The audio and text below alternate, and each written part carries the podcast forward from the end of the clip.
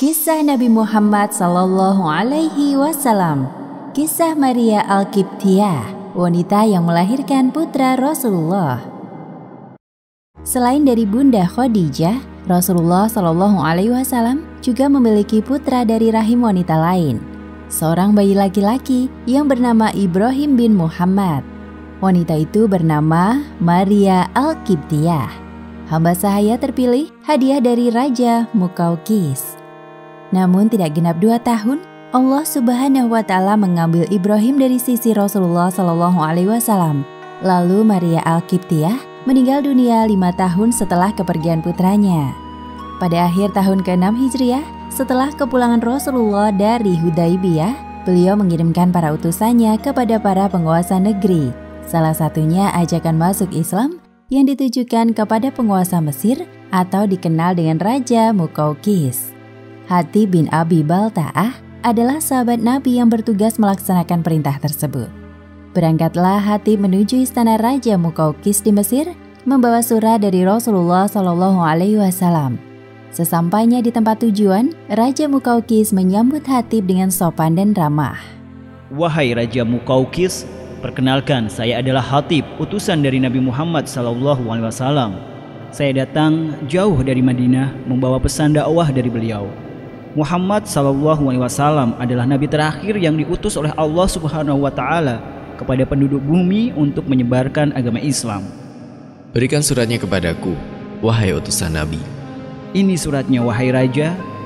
Dengan nama Allah yang Maha Pengasih lagi Maha Penyayang. Dari Muhammad hamba Allah dan utusannya kepada Al-Muqawqis, pembesar bangsa Hipti. Salam sejahtera bagi orang yang mengikuti petunjuk. Aku mengajakmu untuk memeluk Islam Masuk Islamlah engkau, niscaya engkau selamat. Masuk Islamlah, Allah akan memberimu pahala dua kali lipat. Namun bila engkau berpaling, niscaya engkau akan menanggung dosa bangsa Kipti. Dilanjutkan dengan ayat Al-Quran, Surat Ali Imran ayat 64. Katakanlah, hai ahli kitab, marilah kepada suatu kalimat atau ketetapan yang tidak ada perselisihan antara kami dan kamu, bahwa tidak kita sembah kecuali Allah dan tidak kita persekutukan dia dengan sesuatu pun dan tidak pula sebagian kita menjadikan sebagian yang lain sebagai Tuhan selain daripada Allah. Jika mereka berpaling, maka katakanlah kepada mereka, saksikanlah bahwa kami adalah orang-orang yang menyerahkan diri kepada Allah.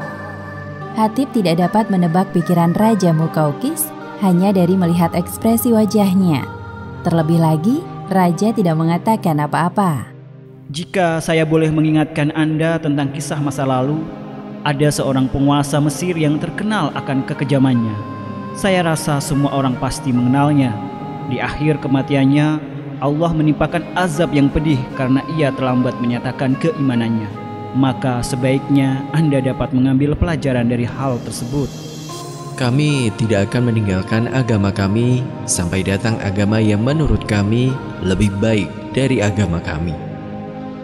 Tidak puas mendengar jawaban dari Raja Mukaukis, Hatib menambahkan penjelasannya. Nabi Muhammad telah mengajak kalian untuk mengenal Islam dengan penuh belas kasih. Namun kenyataannya, kaum Quraisylah yang paling menentang dakwah beliau, kaum Yahudi yang paling memusuhi beliau, dan kaum Nasrani yang paling dekat dengan beliau. Raja Mukaukis tampak antusias mendengar penjelasan dari Hatib. Namun beliau hanya diam Kesempatan tersebut tidak disia-siakan oleh Hatib. Ia pun melanjutkan penjelasannya. Sesungguhnya kabar gembira yang dibawa oleh Nabi Musa tentang Nabi Isa sama halnya seperti kabar Nabi terakhir, yaitu Muhammad Sallallahu Alaihi Wasallam yang dibawa oleh Nabi Isa. Maka ajakan kami kepada Al-Quran, kitab suci umat Islam, layaknya ajakan kalian kepada kitab Injil.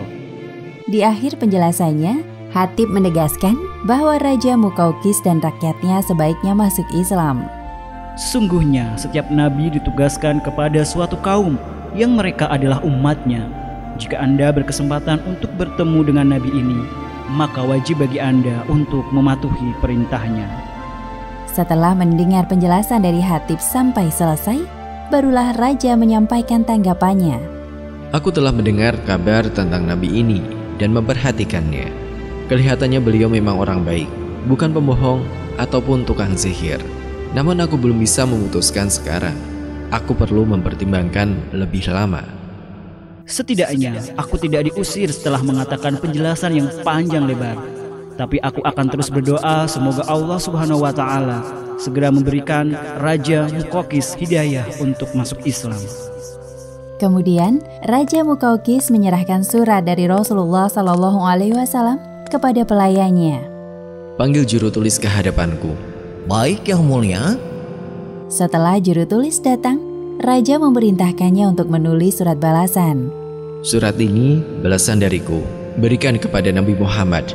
Baik, akan saya serahkan suratnya kepada Nabi sesampainya di Madinah. Hatib meninggalkan istana Raja Mukaukis dengan beberapa hadiah. Kuda lengkap dengan pelananya, seorang pelayan laki-laki, dan dua orang hamba sahaya pilihan raja. Mereka adalah kakak beradik yang bernama Maria binti Syamun atau lebih dikenal dengan Maria Al-Kiptia dan Sirin binti Syamun. Awalnya tidak mudah bagi Maria dan Sirin tentunya untuk meninggalkan kampung halaman tercinta. Sejak kecil kakak beradik itu hidup di sebuah desa bernama Hafna. Letaknya di pinggir sebelah timur sungai Nil. Ketika beranjak remaja, Raja Mukaukis memilih mereka menjadi budak sekaligus pelayan di istana. Jadi telah menjadi tugas mereka untuk menuruti perintah tuanya. Sepanjang perjalanan, Hatib mengajak teman seperjalanannya untuk berdiskusi tentang Islam. Hatib memperkenalkan agama Islam dengan bahasa yang mudah dimengerti oleh orang awam. Latar belakang Maria adalah penganut agama Kristen Koptik. Sebelum bertemu Hatib, Maria telah mendengar tentang kedatangan nabi terakhir yang membawa agama baru dari langit. Berdasarkan cerita Maria, Hatib dapat mengetahui bahwa Maria adalah wanita yang cerdas dan gemar membaca. Jadi tidak sulit bagi mereka untuk berkomunikasi. Apalagi ketika Hatib menceritakan tentang Nabi Muhammad, Maria terlihat sangat tertarik untuk mengetahui lebih banyak. Ku tidak menyangka bahwa utusan Nabi ini benar-benar cerdas. Dengan semua penjelasannya, ia dapat membuka pikiranku tentang agama yang baru. Padahal, ini baru penjelasan dari utusannya. Bagaimana jika aku dapat belajar langsung dari Nabi Rasulullah ya? Nabi Muhammad adalah manusia yang membawa syariat maka setiap tindakan beliau adalah pelajaran bagi umatnya. Sungguh merupakan sebuah kehormatan jika kita dapat bertatap muka langsung dengan beliau di kehidupan yang sama. Wahai utusan Rasulullah, aku Maria binti Syamun dan adikku Shirin binti Syamun bersungguh-sungguh ingin masuk Islam. Mendengar semua penjelasan tentang Islam darimu, sungguh membuka pikiranku lebar-lebar. Allahu Akbar. Islam adalah rahmatan lil alamin. Sekarang aku akan menuntun kalian membaca kalimat syahadat. Asyhadu alla ilaha illallah wa asyhadu anna Muhammadar Rasulullah. Aku bersaksi, tidak ada sesembahan yang berhak disembah kecuali Allah dan aku bersaksi bahwa Nabi Muhammad adalah utusan Allah. Mereka menempuh perjalanan yang panjang untuk dapat sampai ke Madinah. Meskipun udara panas menyengat, tidak melemahkan keimanan mereka, karena hanya perkataan yang baik yang pantas terucap dari umat Islam terbaik. Akhirnya, rombongan sampai di tujuan. Umat Islam di Madinah menyambut kedatangan Hatib, Maria, dan Sirin dengan penuh sukacita. Hatib langsung menemui Rasulullah, menceritakan semua yang terjadi di Mesir, dan tak lupa memberikan surat balasan dari Raja Mukaukis. Dengan nama Allah yang maha pengasih lagi maha penyayang. Kepada Muhammad bin Abdillah dari Mukaukis, pembesar bangsa Kipti, Mesir. Keselamatan atasmu. Suratmu telah kubaca dan aku memahami apa yang engkau sebutkan di dalamnya dan apa yang engkau serukan. Aku tahu bahwa seorang nabi masih ada dan tadinya aku mengira ia akan muncul dari negeri Syam. Utusanmu telah aku muliakan dan aku kirim untukmu dua orang perempuan yang keduanya mempunyai kedudukan yang tinggi di Mesir. Juga aku hadiahkan untukmu sehelai kain dan seekor kuda untuk tungganganmu. Semoga keselamatan selalu atasmu. Wahai hatib sahabatku, engkau telah melaksanakan tugasmu dengan baik. Aku mengucapkan terima kasih. Semoga Allah Subhanahu wa taala menggandakan pahala atas usahamu. Rasulullah mulai berpikir tentang kedua hamba sahaya pemberian dari Raja Mukaukis. Beliau tertarik dengan Maria, sedangkan Sirin, adik Maria diberikan kepada Hasan bin Sabit, seorang penyair. Pada zaman ini, pemilik budak berhak menggauli budaknya, dan apabila lahir anak dari mereka, maka budak itu menjadi ibu dari anak yang dilahirkannya. Sebagaimana yang disebutkan dalam Al-Quran, Surat Al-Ma'arij ayat 29 hingga 30. Dan orang-orang yang memelihara kemaluannya, kecuali terhadap istri-istri atau budak-budak yang mereka miliki, maka sesungguhnya mereka dalam hal ini tiada tercela.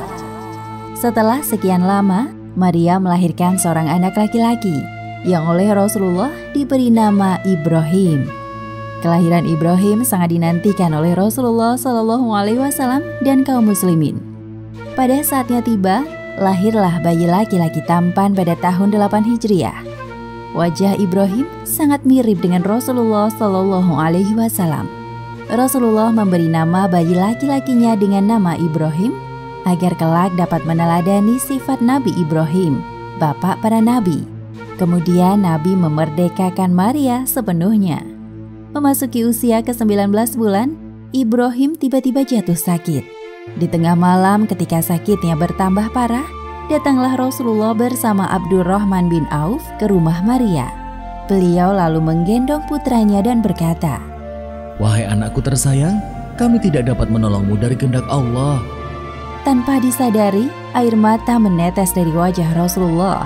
Beliau tidak menyangka akan kehilangan anak laki-lakinya lagi. Ibrahim meninggal pada tahun 10 Hijriah. Pada hari meninggalnya Ibrahim, bertepatan dengan peristiwa gerhana matahari. Wahai Ibrahim, mataku menangis, hatiku sedih, namun aku tidak akan mengucapkan sesuatu yang akan menyebabkan Allah murka. Lima tahun kemudian, ibundanya menyusul. Maria Al-Kiptia meninggal dunia pada masa pemerintahan Khalifah Umar bin Khattab. Demikianlah akhir kisah Maria Al-Kiptia, wanita yang melahirkan putra Rasulullah Hikmah yang dapat kita ambil dari kisah ini Pertama, putra-putri Rasulullah semuanya berjumlah tujuh orang Terdiri dari tiga laki-laki dan empat perempuan Dan kedua, sebaiknya kita senantiasa berhusnuzon kepada Allah Subhanahu wa Ta'ala atas takdir yang diberikan, seperti diambilnya keturunan. Hikmah diambilnya putra-putra Rasulullah, yakni Allah menyelamatkan mereka dari perselisihan kaumnya atas nabi pengganti ketika wafatnya beliau kelak. Padahal jelas sekali disebutkan dalam Al-Quran bahwa Muhammad adalah nabi terakhir, penutup para nabi. Wallahualam bisawab.